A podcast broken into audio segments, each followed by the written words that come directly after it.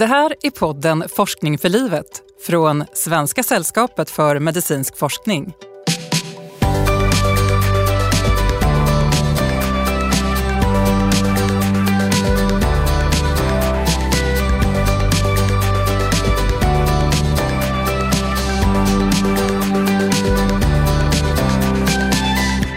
Sömnbrist gör oss inte bara trötta utan påverkar i stort sett hela kroppen. Ja, faktum är att den som sover för lite ökar risken att utveckla allvarliga sjukdomar som diabetes och Alzheimer. Varför är sömnen så viktig? Vad är det som händer med oss när vi är vakna för mycket och vad kan jag göra för att sova bättre? Det är frågor som vi ska få svar på i det här avsnittet. Jag som leder podden heter Anna-Karin Andersson och är kommunikatör på Svenska sällskapet för medicinsk forskning. Och jag hälsar dig som lyssnar varmt välkommen. Och varmt välkommen säger jag också till vår gäst som är expert på sömn, Jonathan Sedenäs. Tack så mycket. Du är läkare och forskare vid Uppsala universitet och du bedriver även forskning i Chicago. Och du har fått ett stort anslag från Svenska sällskapet för medicinsk forskning för att eh, studera hur sömnbrist kan påverka oss. Jonathan, vi ägnar ungefär en tredjedel av våra liv åt att sova. Varför är det nödvändigt? Ja, det är något som vi fortsätter studera. Man kan säga att det finns inget enkelt svar, men sömn fyller helt klart många viktiga funktioner. Det finns i princip inget djur som klarar sig utan sömn eh, och man har dokumenterat sömn även hos de nästan allra enklaste organismerna. Och det här kan man ju då anta har dels en energibevarande funktion som är viktig för Eh, det är viss tid på dygnet man kanske har störst sannolikhet att hitta ja, föda och undvika rovdjur till exempel. Men samtidigt då så kanske som en slump eller eh, sannolikt för att vi ligger helt stilla till exempel så har det då uppstått eller under evolutionens gång då har vi fått fler funktioner som sömnen gör kanske. Och det här inkluderar till exempel att vi tycks rensa hjärnan och eh, övriga kroppen från skadliga ämnen. Vi eh, utsöndrar hormoner som bidrar till reparation och uppbyggnad av kroppen. Och vårt immunförsvar ehm, lär sig till exempel att ta hand om organismer som vi har stött på under dagen. Och du studerar vad som händer när vi får för lite eller för dålig sömn. Varför är det här ett viktigt område? På vilket sätt kan sömnen ha betydelse för den medicinska forskningen? Ja, det är, dels så är det ju idag så att många lider av sömnbrist. Vi har stressiga liv som gör att vi kanske inte får tillräckligt mycket sömn och vi lever också i ett 24-7 timmars samhälle som gör att till exempel för god tillgång till vård dygnet runt så behöver många jobba skift och det här stör sömnen. Vi stör de inre biologiska klockorna som bland annat reglerar just sömnen och övriga Eh, ämnesomsättningen till exempel.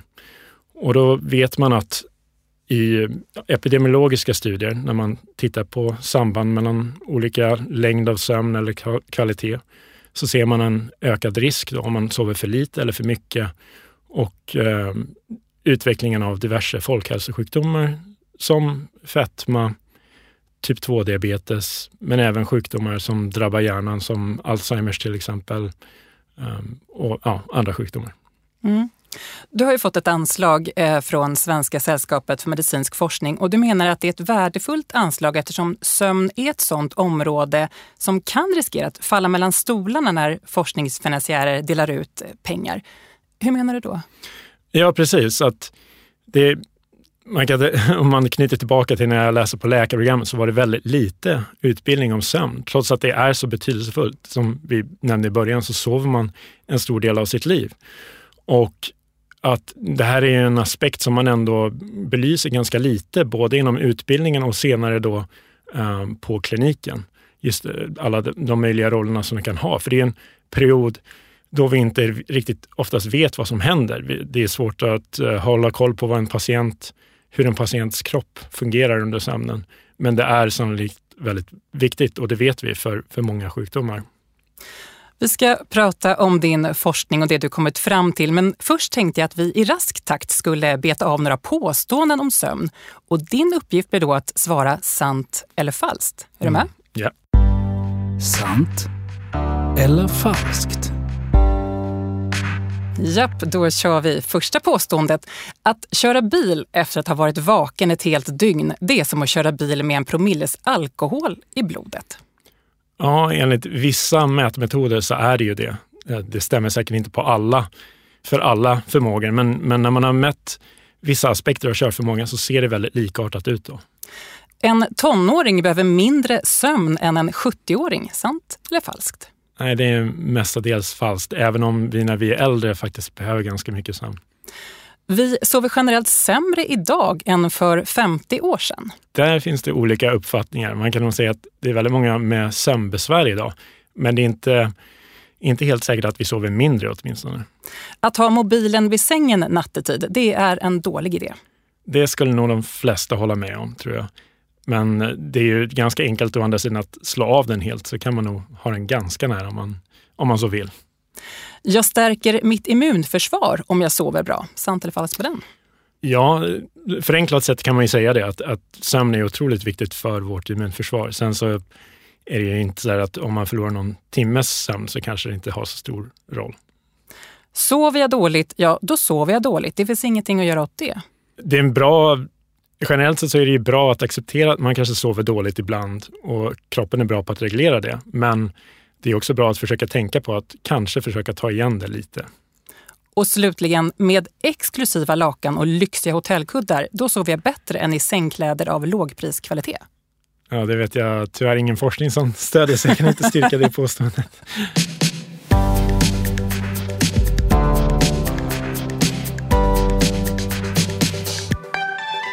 Vi ska knyta an till några av de här påståendena senare för Jonathan Sedenes, du ska ge tips också på hur vi kan sova bra. Men först tänkte jag att du skulle få berätta om din forskning. Du har tagit hjälp av försökspersoner för att ta reda på vad som händer i kroppen när vi får för lite sömn. Berätta, hur har du gjort de här studierna? Ja, vi har använt en rad olika eh, typer av sömnprotokoll kan vi säga. Men väldigt förenklat kan vi säga att vi bjuder in dem till labbet Ofta så får de komma vid två olika tillfällen. Ena gången så får de sova som vanligt och den andra gången då, och det här är i slumpmässig ordning, så får de kanske vara vakna halva natten eller hela natten. Och när de är i labbet så övervakar vi väldigt noggrant. Vi standardiserar många parametrar såsom ljusexponering, vad och hur mycket man får äta och eh, hur mycket man rör på sig. Och sen så ja, tittar vi då helt enkelt på vad den här perioden till exempel av sömnbrist eller förskjuten sömn, eh, en längre periods vakenhet, vad det gör då med kroppen och jämför det inom samma individ när de har sovit. Så att de blir sina egna kontroller. Och det jag är inriktad på särskilt är att titta på vad som händer med ämnesomsättningen. Då. Eh, så att det stöd som SSMF har gett mig, där har jag då valt att titta på det som händer i muskel och fettvävnaden och samtidigt även i blod. Och där är tanken då att muskel och fettvävnaden är väldigt viktiga för vår ämnesomsättning. Till exempel muskelvävnaden tar nästan hand om allt blodsocker när vi ätit en måltid. Och det är det som inte riktigt fungerar till exempel när man har typ 2-diabetes. Och vi vet att samtidigt att sömn är väldigt viktig för de här, ja, modifiera risken för de här sjukdomarna på sikt. Så att det jag försöker förstå är mekanismerna i de här vävnaderna. Vad är det för molekylära och, och genetiska program som är aktiva olika tider på dygnet och som störs då när man inte sover tillräckligt eller på fel tid på dygnet, som en skiftarbetare till exempel gör. Och i korthet, vad har du fått fram? Vad, vad händer om jag sover för lite med min ämnesomsättning och ja, blodsockernivåer? Ja, i korthet kan man säga att man, man blir lite mer lik en um, typ 2-diabetiker kan man säga. Man får en försämrad förmåga att ta hand om blodsockret. Det är sannolikt så att kroppens olika organ svarar lite olika och det är just det som jag försöker ta reda på, då, hur de verkar tillsammans. Men man får en, en suboptimal kan man säga, ämnesomsättning helt enkelt. Och det är det som vi tror då på sikt ökar risken för till exempel typ 2-diabetes och eh, även fetma, att man går upp på sikt. Så att vi ser även mekanismer som tycks då i de här vävnaderna kunna sannolikt på sikt då, bidra till att man också kan lägga på sig ofördelaktigt fett i, i fettväven. Då. Och att man kanske istället förlorar muskelmassa om man sover för lite. Men det här låter ju inte alls eh, bra. Eh, och, du har ju som sagt tittat eh, på just skiftarbetare som, som får den här rubbade dygnsrytmen. Men eh, vissa yrkesgrupper behöver jobba på de här obekväma tiderna, inte minst din egen profession då inom vården. Hur ska vi få dem att må bra och klara av sitt jobb trots långa jourpass och nattjobb till exempel? Ja, det är väldigt viktigt det du säger att det är väldigt många som är tvungna att jobba på eh, obekväma arbetstider, till exempel med skiftarbete. Och det är just därför som den här forskningen är viktig som jag tycker den är intressant. Och den har relevans för många.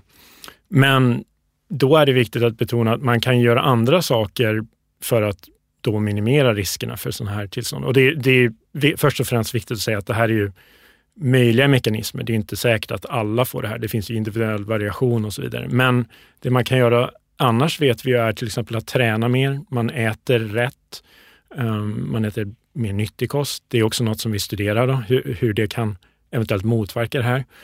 Och sen kan man ju även då vid skiftarbete se till att man har tillräckligt lång återhämtningstid mellan passen. Då. Och det finns det också sedan tidigare en del forskning som stöder att det är fördelaktigt och det gäller även vad gäller hjärnans hälsa. Men det är inte bara skiftarbetare som har problem med sin sömn. Det är många som sover för lite eller har dålig sömnkvalitet av olika anledningar. Och det tänkte jag att vi skulle prata om nu. Och så ska du få ge lite tips också för hur vi kan sova bättre. Jonathan, du nämnde att det är många som har problem med sin sömn. Hur vanligt är det skulle du säga? Ja, det beror ju på hur man mäter och hur man definierar. Men ibland, alltså i vissa undersökningar så ser man upp till hälften som rapporterar att de har sömnbesvär. Sen tittar man mer åt en diagnos eh, så kan man säga att det här insomni, sömnlöshet, det beror lite på vilket land man tittar på. Vi har opublicerade data när vi tittar på flera länder med självrapporterade data. Då ser man upp till en fjärdedel i vissa länder. Eh, I Sverige var det ungefär var sjätte person då som sannolikt kan sägas lida av eh, diagnosen insomni. Men eh, så kan man även titta då på hur många det är som sover otillräckligt. Och då vet man att rekommendationen utifrån vad som medför lägst risk på befolkningsnivå kan vi säga, den är 7 till 9 timmar för vuxna. Och i USA till exempel så finns det då flera undersökningar som visar att upp till en tredjedel av de vuxna, de får mindre än sex timmar, upp till sex timmar sömn per natt. Så att sannolikt, det är en stor del av befolkningen som dels rapporterar sömnbesvär, men som också då egentligen sover för lite. Och det kan ju vara påtvingat för att de jobbar för mycket, vilket det ofta är. Men det kan också vara för att de har sömnbesvär och kanske inte kan få tillräckligt mycket sömn. Så det finns många olika delar i det här med, med sömnproblematiken. Du nämnde insomni som är en, en diagnos. Vad, vad innebär ja. den? Ja, insomni, det brukar man ju säga då, att man har antingen något av, eller en kombination av insomningsbesvär, att man har problem med uppvaknanden under natten eller att man vaknar för tidigt på morgonen. Och Det kan ju vara väldigt besvärligt, men något som är också intressant är att många som tror till exempel att de har insomni, många kanske uppskattar att de inte alls får någon sömn, men när man mäter det i ett sömnlabb så ser man ofta att de faktiskt har en hel del sömn ändå. Så att, eh, som tur är så finns det en, en missuppfattning där. Det är svårt att skatta hur mycket man sover alltid. Och, och eh, det är ett helt eget forskningsfält i sig också. Och sömnapné är en annan diagnos eh, som vi hör eh, mycket om. Vad innebär den? Ja, precis. Det är också väldigt vanligt, särskilt eftersom att det har blivit vanligare med övervikt och fetma i samhället. Och det är då att man får andningsuppehåll under sömnen. Luftvägarna kollapsar helt enkelt. För att, dels för att det finns för mycket fett ofta kring i halspartiet där. Eller, ja, och eh, det här gör att man får en väldigt fragmenterad sömn. Och sömnapné är väldigt vanligt och det är också kopplat till en ökad risk för många hälsotillstånd och givetvis att man också kan lida av nedsatt prestationsförmåga, trötthet, minnesbesvär och andra saker som ja, kan äventyra ens, um, ens säkerhet på dagen kan man helt enkelt säga. Eller ja, jobbförmåga ehm, och andra saker som man behöver, egentligen behöver kunna klara av under vardagen.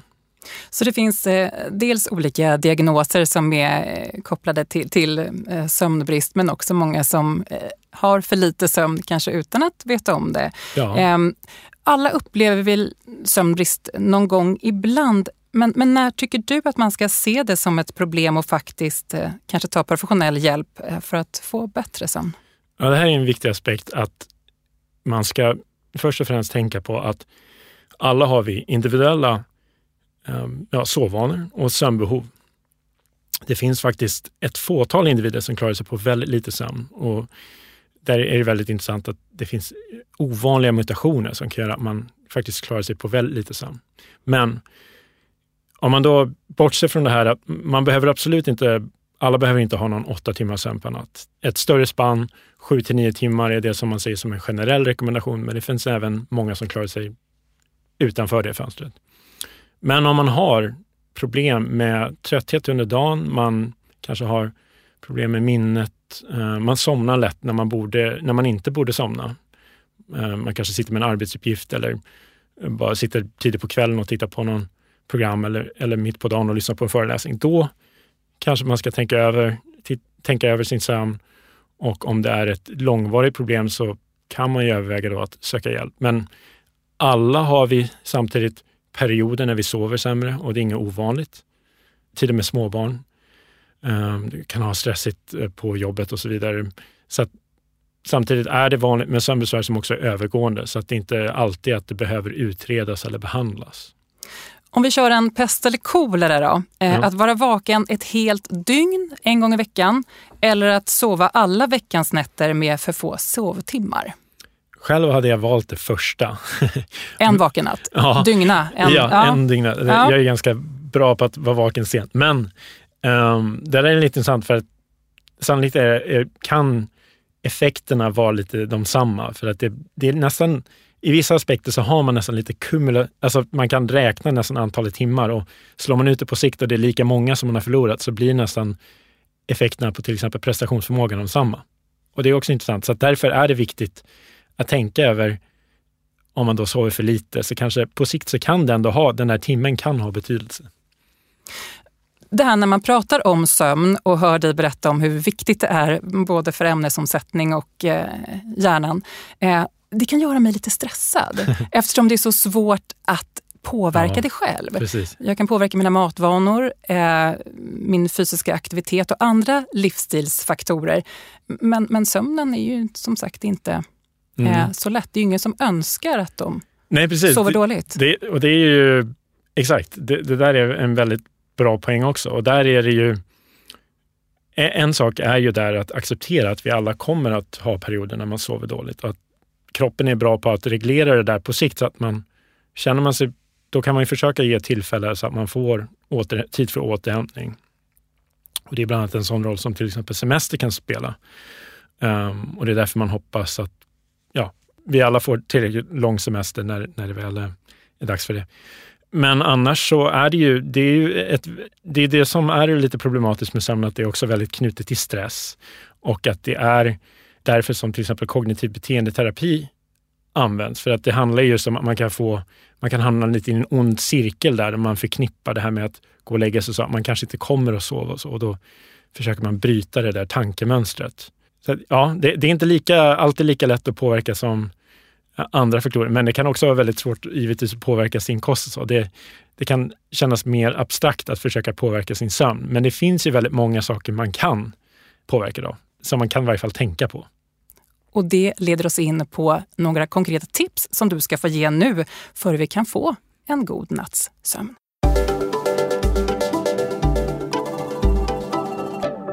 Ja, tips nummer ett.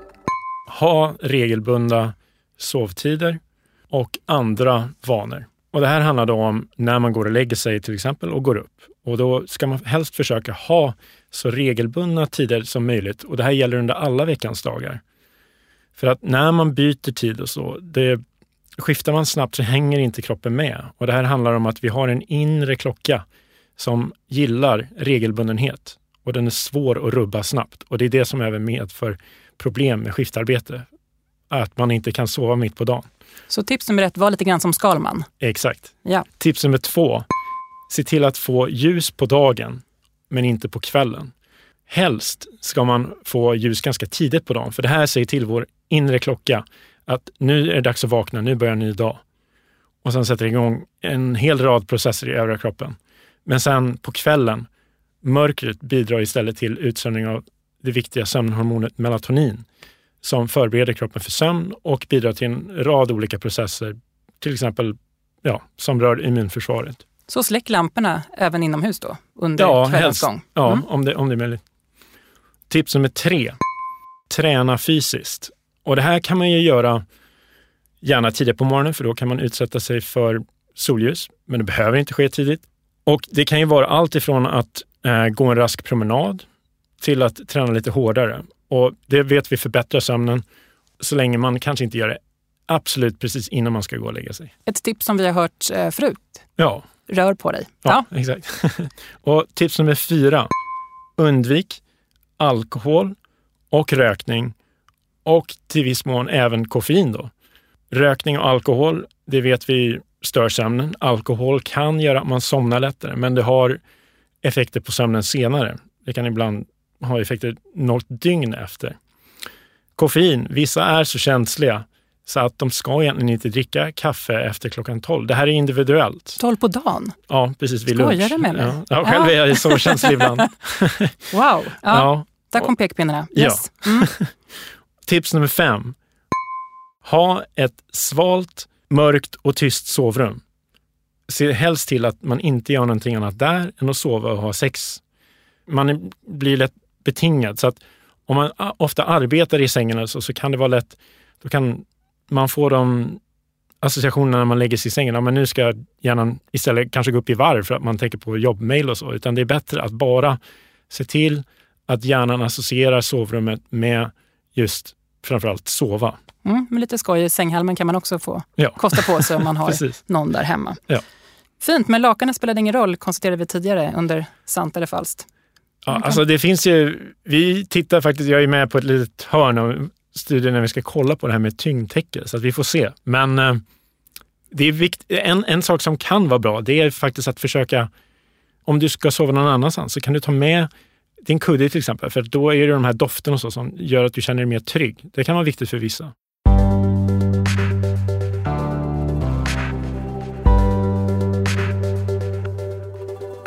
Jonathan Cedernes, med stöd från Svenska sällskapet för medicinsk forskning har du gjort stora eh, framsteg inom sömnforskningen. Om vi blickar framåt ytterligare, vad tror du att du och dina sömnforskarkollegor kommer att kunna lösa för medicinska gåtor tack vare era studier kring just sömnen? Jag hoppas verkligen att vi kanske kan hitta eh, markörer, alltså sådana här biomarkörer, som är ett hett ord, för att kunna identifiera de som löper ökad risk att ta skada på något sätt. Alltså, det kan ju vara liten skada eller en skada på sikt av att till exempel jobba skiftarbete. Och man kan ju också tänka sig att även inom skiftarbete, det finns olika pass där. Att man kan ha vissa som man kanske kan ha mer på, som är mer lämpade för ett morgonpass och andra som är mer lämpade för kvällspass. Det här finns redan forskning på, men det finns ju mer att upptäcka här helt enkelt. Och att man kanske kan följa individer på sikt och övervaka dem så att man anpassar andra faktorer i deras livsstil för att de ska kunna klara av det här till exempel. Och för att lyckas med det här så har du ett hektiskt schema har jag förstått. Eh, vi hade kontakt med varandra och det var väldigt eh, ja. busy och mycket grejer på gång. Precis. Hur går det med din egen sömn? Jo, men oftast går det bra. Ehm, jag försöker att sova minst sju timmar jag tillåter mig ibland när jag har väldigt mycket att ha någon enstaka natt när jag sover lite mindre.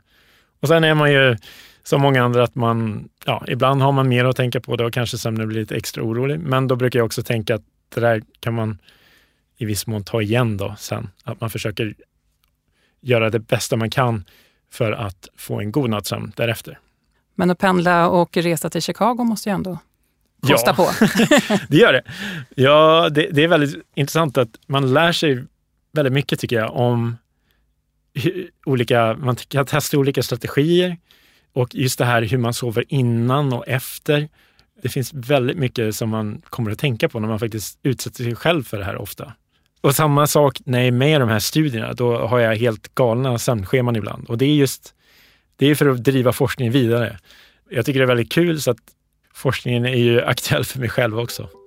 Tack Jonathan Södernäs, forskare vid Uppsala universitet och Chicago för din medverkan i podden Forskning för livet. Tack så jättemycket. Och tack säger jag även till dig som lyssnat. Hej för nu och på återhörande.